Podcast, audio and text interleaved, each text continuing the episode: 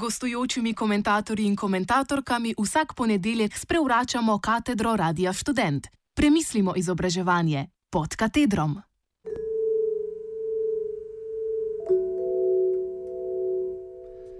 Poziv državnemu zboru, da odloči v prid dostopnega študija.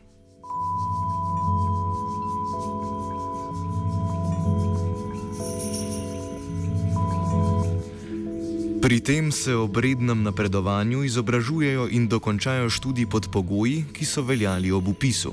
Prva alineja 66. člena zakona o visokem šolstvu. V četrtek 19. oktober 2017 smo organizirali predajo javnega pisma proti krčenju študentskih pravic predstavnikom Ministrstva za izobraževanje, znanost in šport pred njihovim sedežem na Masarikovi v Ljubljani.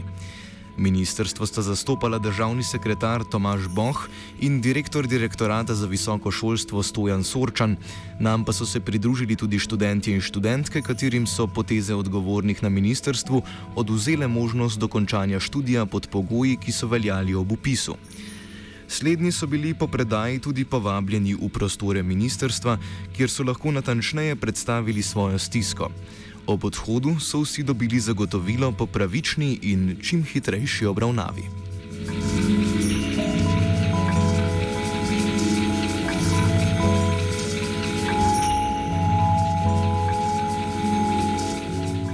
Še isti dan je ministrstvo objavilo novico, v kateri so komentirali predajo javnega pisma. Efektivno so predajo diskreditirali in poskušali boj za poravnavo krivic predstaviti kot izkoriščanje socialnih ugodnosti. Zaradi očitne grožnje, da bo nekaj sto študentov in študentk zaradi stališča, ki so ga zauzeli na ministrstvu, dalj časa brez zdravstvenega zavarovanja in ostalih temeljnih potrebščin, ter za voljo prihodnjih generacij, ki bodo s tako ureditvijo prikrajšane za kar nekaj možnosti, se čutimo dolžne opozoriti na nekaj stvari.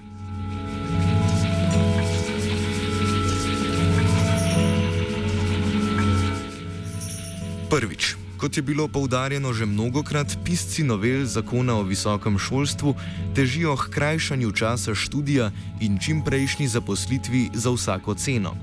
Zato so zaradi novele novembra 2016, poleg tistih, ki so se poskusili fiktivno upisati zaradi dela preko napotnice kot edine možnosti za zaposlitev, brez vseh pravic ostali tudi vsi tisti, ki se izobražujejo redno, a ne po najbolj običajni poti. Predvsem gre za tiste, ki so zamenjali študijski program ali smer, ter za tiste, ki študirajo usporedno ali zaporedno. Očitek, da predaja pisma ščiti izkoriščanje sistema socialne pomoči ob nedvoumni opredelitvi proti, je žaljiv.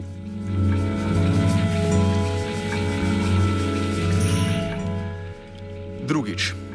Predstavniki ministrstva zauzemajo nasprotujoča si stališča. Ob zatrjevanju, da zagotavljajo brezplačen študij za vse, ki so zmožni študirati, aktivno manjšajo število tistih, ki so zmožni, Od tega, da študentsko delo preko napotnice tudi uradno postaja edini socialni korektiv, ki je marsikomu na voljo, do tega, da ignorirajo univerze, ki za brezplačen študij zaračunavajo vedno više vsote denarja. Slednje je še posebno problematično, saj je ravno novela zakona spet omogočila šolnine na rednem študiju. Te so zaenkrat omejene na predbolonske študente in študentke, katerim so na ministrstvu omogočili nadaljevanje študija, ni pa nobenih zagotovil, da se plačevanje za brezplačen študij ne bo razširilo.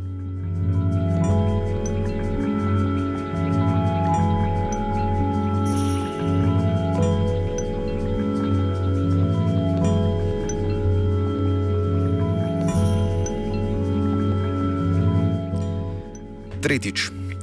Dokler ne bo jasno in razločno napisano, kdo je in kdo ni upravičen do, do katerih pravic in pod kakšnimi pogoji, ne pristajamo na neoprijemljiva zagotovila, da so na ministrstvu že rešili težavo. Moč spreminjati zvis sploh ni v njihovih rokah, ampak je v pristojnosti državnega zbora. Poslanci bodo šele v tem tednu, več kot mesec dni po izgubi prvih pravic, spomnimo, začelo se je z zdravstvenimi zavarovanji, na izredni seji obravnavali zvis in sporni 69. člen. Potem, ko poslanska skupina Levice ni zbrala dovolj podpisov za sklic izredne seje, je to prejšnji teden uspelo poslanski skupini SMC. Oboji želijo iz 69. člena odstraniti sporno odločbo, da so pravice študentov omejene najdlje na, na čas trajanja enega študijskega programa na posamezni stopnji. Ob tem v SMC želijo področje urejati naknadno s področno zakonodajo. V društvih Iskra predlog levice podpiramo, od poslank in poslancev državnega zbora pa pričakujemo, da bodo predlog podprli. Naj opozorimo, da je odprava omenjenih anomalij v zakonu, ki bi ponovno omogočila oškodovanim študentom koriščenje študentskih pravic, ki jim pripadajo, in normalno nadaljevanje študija, šele začetek.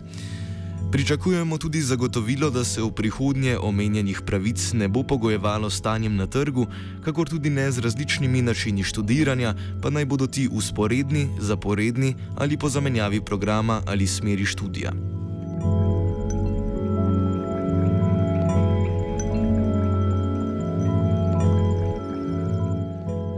Daljšanje študija izven načrtovanih rokov je večinoma posledica dela ob študiju, ki močno zoži polje možnosti ravno za tiste, ki denar za študij najbolj potrebujejo.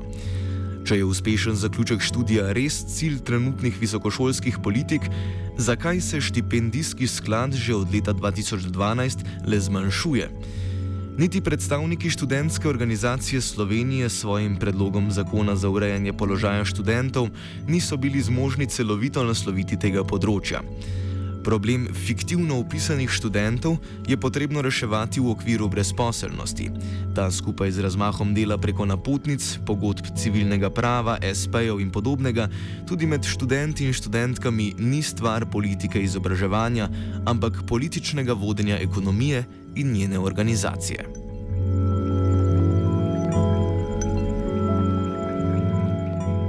Ljubljana 5. novembra 2017, študentsko društvo Iskra.